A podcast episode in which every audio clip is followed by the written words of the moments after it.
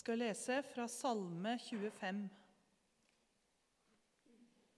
Og det er en salme av David. Herre, jeg løfter min sjel til deg. Min Gud, til deg setter jeg min lit. La meg ikke bli til skamme, la ikke fienden fryde seg over meg. For ingen som setter sitt håp til deg, skal bli til skamme. Til skamme blir de troløse med sine tomme hender. Herre, la meg kjenne dine veier. Lær meg dine stier. La meg få vandre i din sannhet. Lær meg, for du er Gud, min frelser. Til deg setter jeg alltid mitt håp. Herre, tenk på din barmhjertighet og kjærlighet som er fra evig tid. Tenk ikke på min ungdoms feiltrinn og synder. Tenk på meg i din miskunn, Herre, for du er god. Herren er god og rettskaffen. Derfor viser han syndere veien. Han lar de hjelpeløse ferdes rett og lærer dem sin vei. Alle Herrens stier er miskunn og troskap mot dem som holder Hans pakt og Hans bud. For ditt navns skyld, Herre, tilgi min synd, for den er stor. Hver den som frykter Herren, lærer av ham den vei han skal velge. Selv skal han leve i lykke, og hans ett skal arve landet. Herren taler fortrolig med dem som frykter ham. Han gjør dem kjent med sin pakt. Mine øyne er alltid vendt mot Herren, for han drar mine føtter ut av garnet. Vend deg til meg og vær meg nådig, for jeg er ensom og hjelpeløs. Ta bort det som tynger mitt hjerte. Før meg ut av mine trengsler. Se min nød og mitt strev, og tilgi all min synd. Se, mine fiender, de er mange. De hater meg med et nådeløst hat. Bevar mitt liv og berg meg. La meg ikke bli til skamme, for jeg søker tilflukt hos deg. La uskyld og rettsinn verne meg for jeg setter mitt håp til deg. Gud, fri Israel ut fra alle deres trengsler.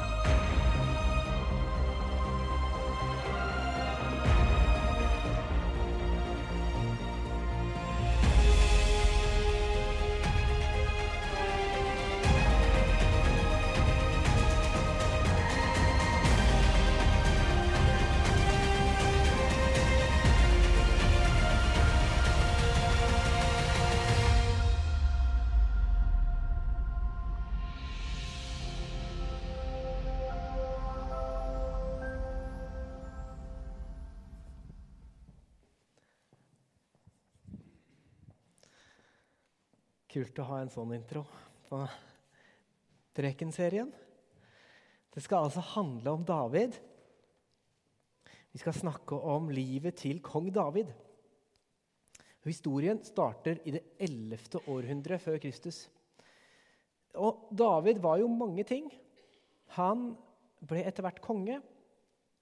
Og han ble den viktigste personen i Israels historie, egentlig. En av de viktigste personene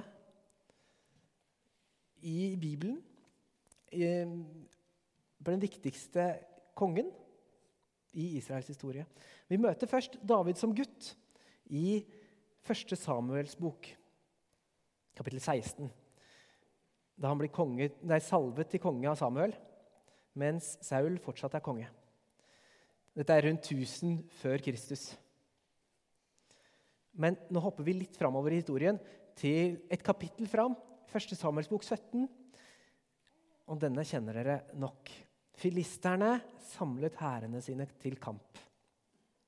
De kom sammen ved Soko i Juda og slo leir. Saul og israelittene samlet seg og slo leir i Eladalen og gjorde seg klare til å møte filisterne. Filisterne okkuperte nå en høyde, og israelittene en annen, med dalen imellom dem. En kjempe som het Goliat, kom fram og utfordret til tvekamp. Dette har dere hørt, ikke sant? Han var over seks alen høy.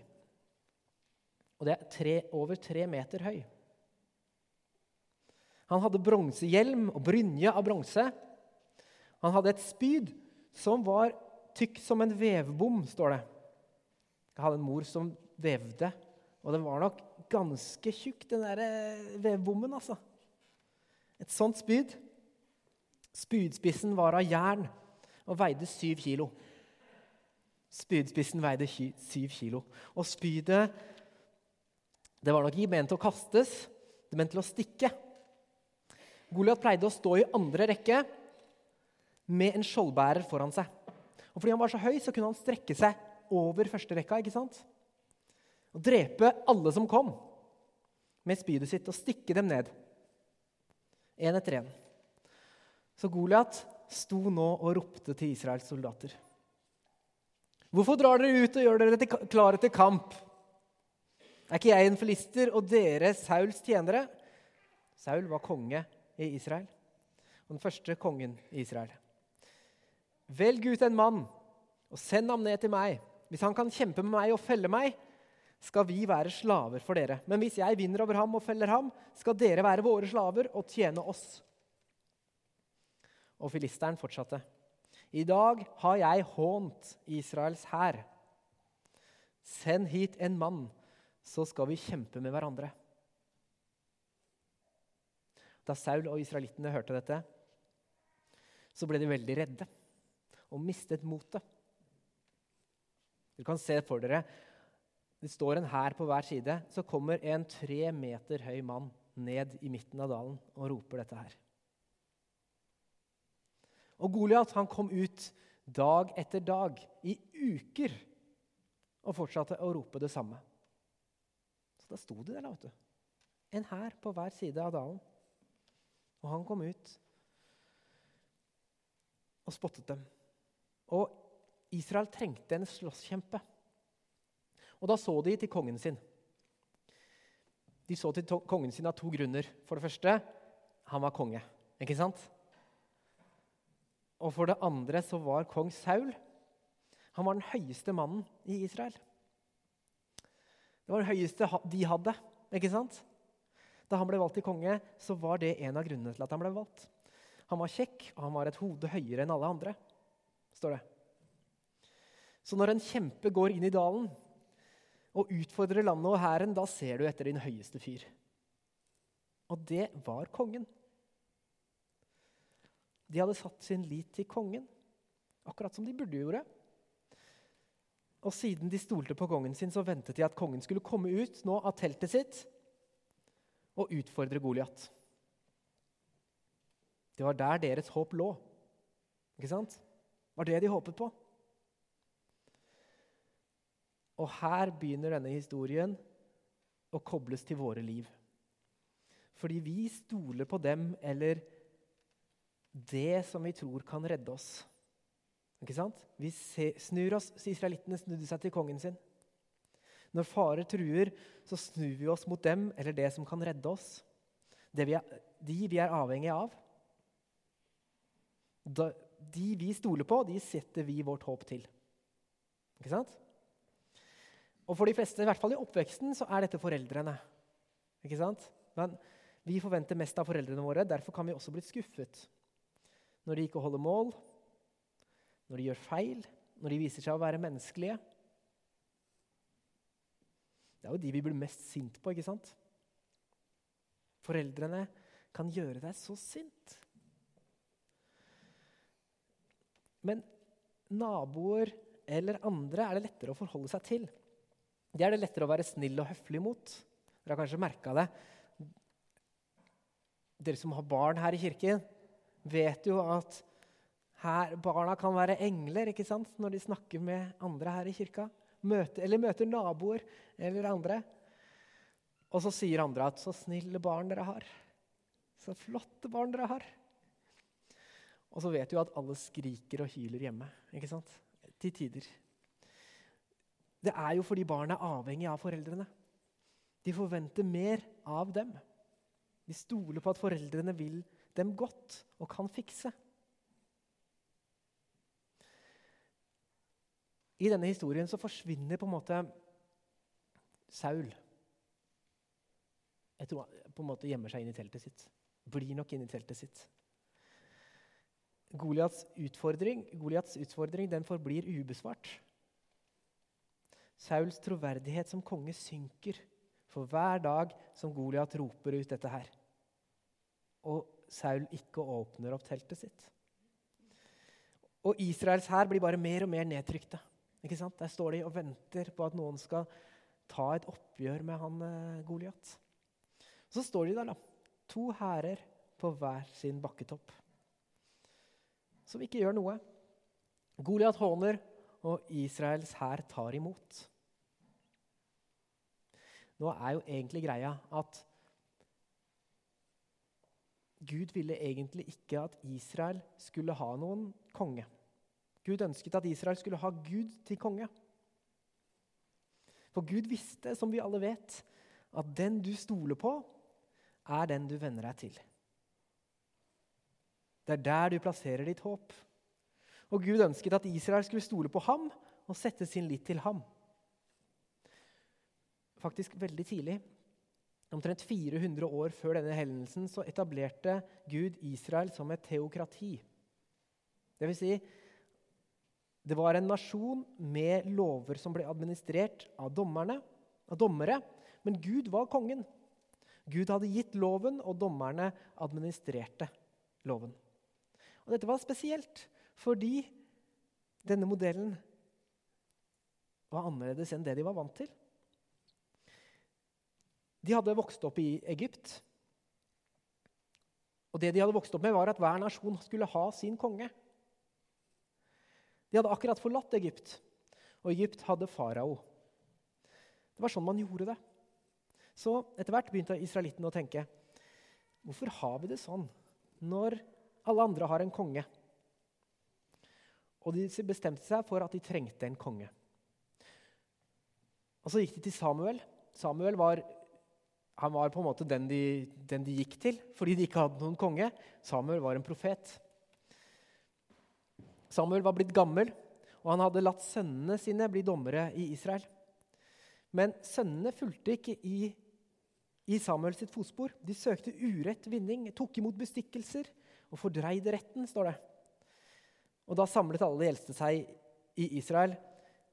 Altså, De kom til Samuel i Rama, og de sa til ham, 'Nå er du gammel, og sønnene dine følger ikke i dine fotspor.' Sett derfor en konge til å styre oss, sånn som alle, en sånn som alle de andre folkene har. Samuel han ba til Gud, og Gud svarte. Hør på folket og alt de sier til deg. For det er ikke deg de har forkastet. Det er meg de har forkastet og ikke vil ha til konge over seg, sier Gud. Det har de gjort fra den dagen jeg førte dem fra Egypt og til denne dag. De har forlatt meg, og de dyrket andre guder. Og slik gjør de nå mot deg så hør på dem. Men advar dem inntrengende og fortell dem hvilke rettigheter kongen deres vil få. Samuel fortalte folket, som krevde en konge av ham, alt hva Herren hadde sagt. Han sa, 'Dette er rettighetene til kongen som skal herske over dere.' Han vil ta sønnene deres og sette dem til å gjøre tjeneste ved kongens hester og, og vogner. Og de må løpe foran vognen hans. Noen vil han gi kommando over 1000 mann, og noen over 50. Noen må pløye åkrene og høste inn avlingen hans. Andre må lage krigsvåpen og utstyr til stridsvognene. Døtrene deres vil han sette til å lage salver, til å koke og bake. Og de beste jordene, vinmarkene og olivenlundene deres, vil han ta og gi til mennene sine. Av åkrene og vinmarkene deres vil han ta tiende og gi til hoffmennene og tjenerne sine. Slavene og slavekvinnene, eslene og de beste oksene deres vil han ta i sin egen tjeneste. Av småfe deres vil han ta tiende, og selv må dere gjøre slavearbeid for ham. Når den dagen kommer, skal dere skrike høyt over kongen dere valgte, men Herren skal ikke svare dere den dagen. Så han advarte dem godt men folket nektet å høre på Samuel. Nei da, sa de. Vi vil ha en konge over oss. Vi vil være som, som de andre folkene. Kongen vår skal styre oss. Han skal rykke ut foran oss og føre krigene våre. Og så fikk de Saul, som feilet da han møtte Goliat. Han skal føre krigene våre. ikke sant? Det var det de ville at en konge skulle gjøre. Og så kom Goliat. Men dette førte jo også senere til at David ble konge. Uten tvil Israels største konge, som vi skal se. Og fordi han var Israels, nei, han var Israels største konge ikke fordi han var en perfekt mann eller en perfekt konge. Det var noe i ham som var motvillig. Det var noe i ham som gjorde at han framsto selvsikker. Men det var også noe i ham som gjorde ham ydmyk. I motsetning til den typiske kongen elsket David faktisk loven. Konger gjorde vanligvis ikke det. Kongene likte selv å være loven. Hvis en konge brøt loven, så ville de helst justere loven til å passe til sine egne ord og handlinger. ikke sant? Og likevel, gjennom hele hans tid som konge, oppdager vi at David faktisk elsket loven. Selv når loven fordømte han. Så man begynner å skille her mellom loven og kongen. Før var kongens ord lov. David begynner å skille. I stedet for å endre eller justere loven, så var det sånn at David tillot seg å bli dømt av Guds lov. Han skjønte at han hadde gjort gale ting, og han angret. Han skjønte at han hadde gjort noe gærent, selv om han var kongen. Og I salmen som han skrev, så erklærer han at han elsker Guds lov fordi han trodde at Israels lov var en lov som Gud hadde gitt dem. Han visste sin plass. Og det ga ham klarsyn som konge. Eneherskere får fort blindsoner, tror jeg, opp gjennom historien. Når de vet at det de bestemmer, er loven. Da krøller de det til for seg. Men David visste at han var ikke loven. Den var gitt av Gud. Tilbake til historien, da. For Saul og israelittene er vettskremte. Og da dukker David opp. Med matpakke hjemmefra, faktisk. Kommer med matpakke hjemmefra til storebrødrene sine, som er i hæren. Han er kanskje 15 år. Og han drar rett opp til fronten for å se hva som foregår. Han må sjekke ut dette her. Og får, Der får han se og høre Goliat. Men istedenfor å bli redd og nedbrutt, blir David fornærmet. Og han får høre at Saul ser etter en de kan sende ut. Og han begynner å stille spørsmål til soldatene. Hva var det han skulle få, den som feller filisteren og tar en slik vanære bort fra Israel? sier han. Hvem er vel han? Den, denne uomskårne filisteren som våger å håne den levende Guds hær, sier han også. Og så disse erfarne krigerne i hæren ser på han og, og liksom Hvem er du? Og hva mener du? ta vanæren bort fra Israel, sa han. Alt det vi kan se, er jo en tre meter høy kjempe som sikkert har drept tusener. Og kongen vår, som er den største av oss, han finner vi ikke. Men Saul han hører rykter om at det kanskje er noen som, skal, noen som har lyst til å melde seg. Ikke sant? Og da, Det er jo eh, utveien for han. Så han kaller på David. Ha, da David kom inn, ble nok Saul ganske skuffet, vil jeg tro. Han er ingen soldat. Og han, fått, eh, han får vite av at, at David er gjeter. 15 år omtrent. Han er lillebroren til tre av soldatene. Ikke sant? Æsj, æsj kom deg ut. Eh, men David han virker veldig ivrig. Han begynner å fortelle at han har drept både bjørn og løve før. Og han er overbevist om at Gud skal berge ham fra Goliat. Og i Davids øyne kommer det fram er en fiende av Guds folk, det er en fiende av Gud selv. Så Goliat håner ikke bare hæren. Goliat håner Gud David, i Davids øyne. Jeg tipper kongen er eh, ganske lei og desperat der han sitter inne i teltet sitt. Så det er litt sånn derre Å, så gå, da. Ok? Ok, gjør det, da. Til slutt. David, David regjerte i 44 år som konge senere. Men selv som tenåring hadde han denne oppfatningen som han bygde sitt liv og sin tro rundt. Den som setter sitt håp til Herren, trenger ikke å frykte, selv når det er noe å være redd for. Og han skriver senere, David skriver senere i Salme 25, som vi hørte i stad. Herre, jeg løfter min sjel til deg. Min Gud, til deg setter jeg min lit. La meg ikke bli til skamme. La ikke fienden fryde seg over meg. For ingen som setter sitt håp til deg, skal bli til skamme. Til skamme blir de troløse med sine tomme hender. Herre, la meg kjenne dine veier. Lær meg dine stier. La meg få vandre i din sannhet. Lær meg, for du er min Gud, min frelser. Til deg setter jeg alltid mitt håp. Han skriver sånn som konger ikke skriver, for å si det sånn. Han setter li, sin lit til noe annet enn seg selv. Tilbake til historien. Han er 15 år gammel, selvsikker og likevel på en merkelig måte ydmyk. Han beveger seg nedover Eladalen. Vi kan bare se for oss da, hvordan folk reagerer. Det er en gutt. Det er en gutt uten rustning. Er det en vits? Det var ingen tvil om at latteren brøt ut. På begge sider, vil jeg tro. Jeg lurer på egentlig hva, hva Sauls soldater tenkte. Det er en gutt som skal representere Israels hær. Han sender en gutt som ikke er i hæren engang.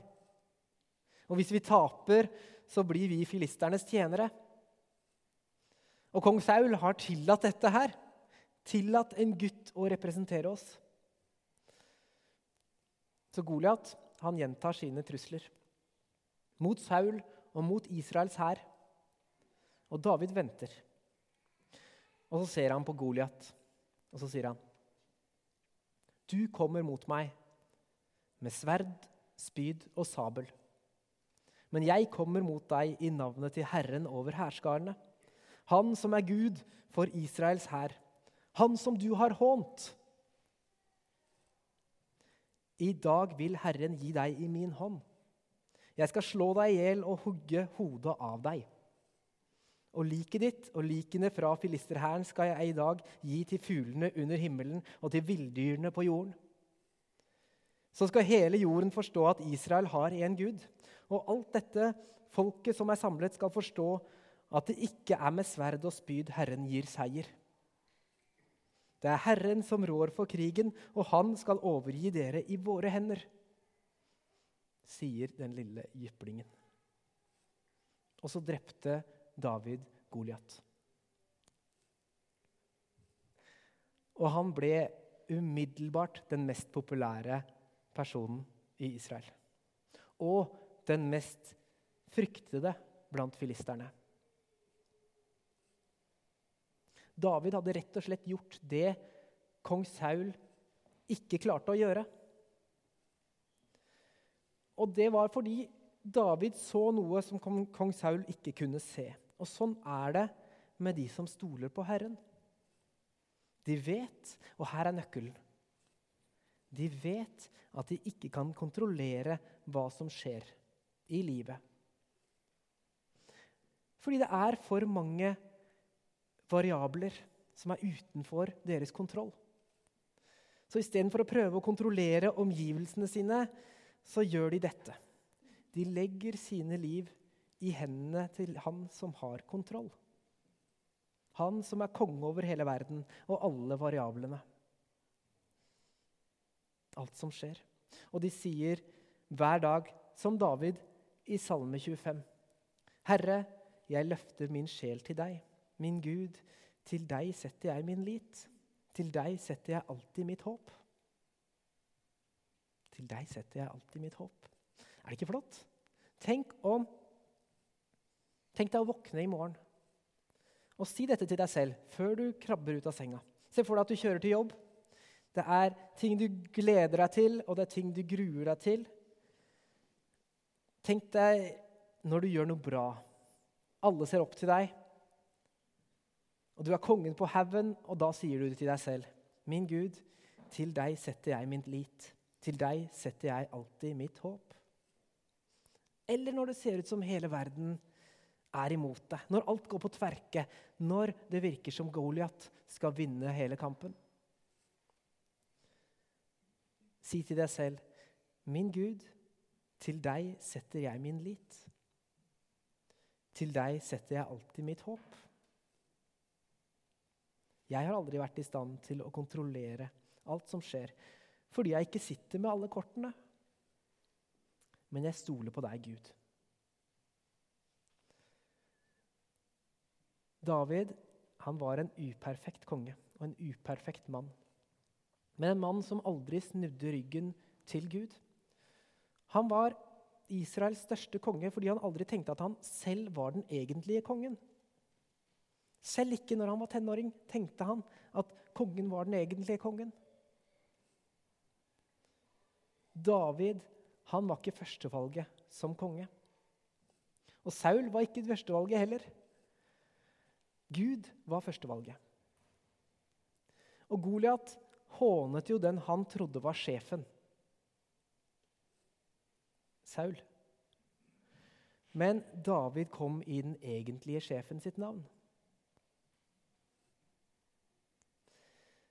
På neste G2-gudstjeneste om to uker så skal vi se på det som var Davids største kamp. Og nå har jeg akkurat snakket om Goliat, så dere trodde kanskje det var det. Men nei. Davids største kamp er om to uker. Men hvis, på, hvis dere kommer på G1-gudstjeneste neste uke, så får dere også med dere mer om David. Og vi får se at David ikke alltid levde opp til forventningene. Ære være Faderen og Sønnen og Den hellige ånd, som var, er og blir en sann Gud fra evighet og til evighet.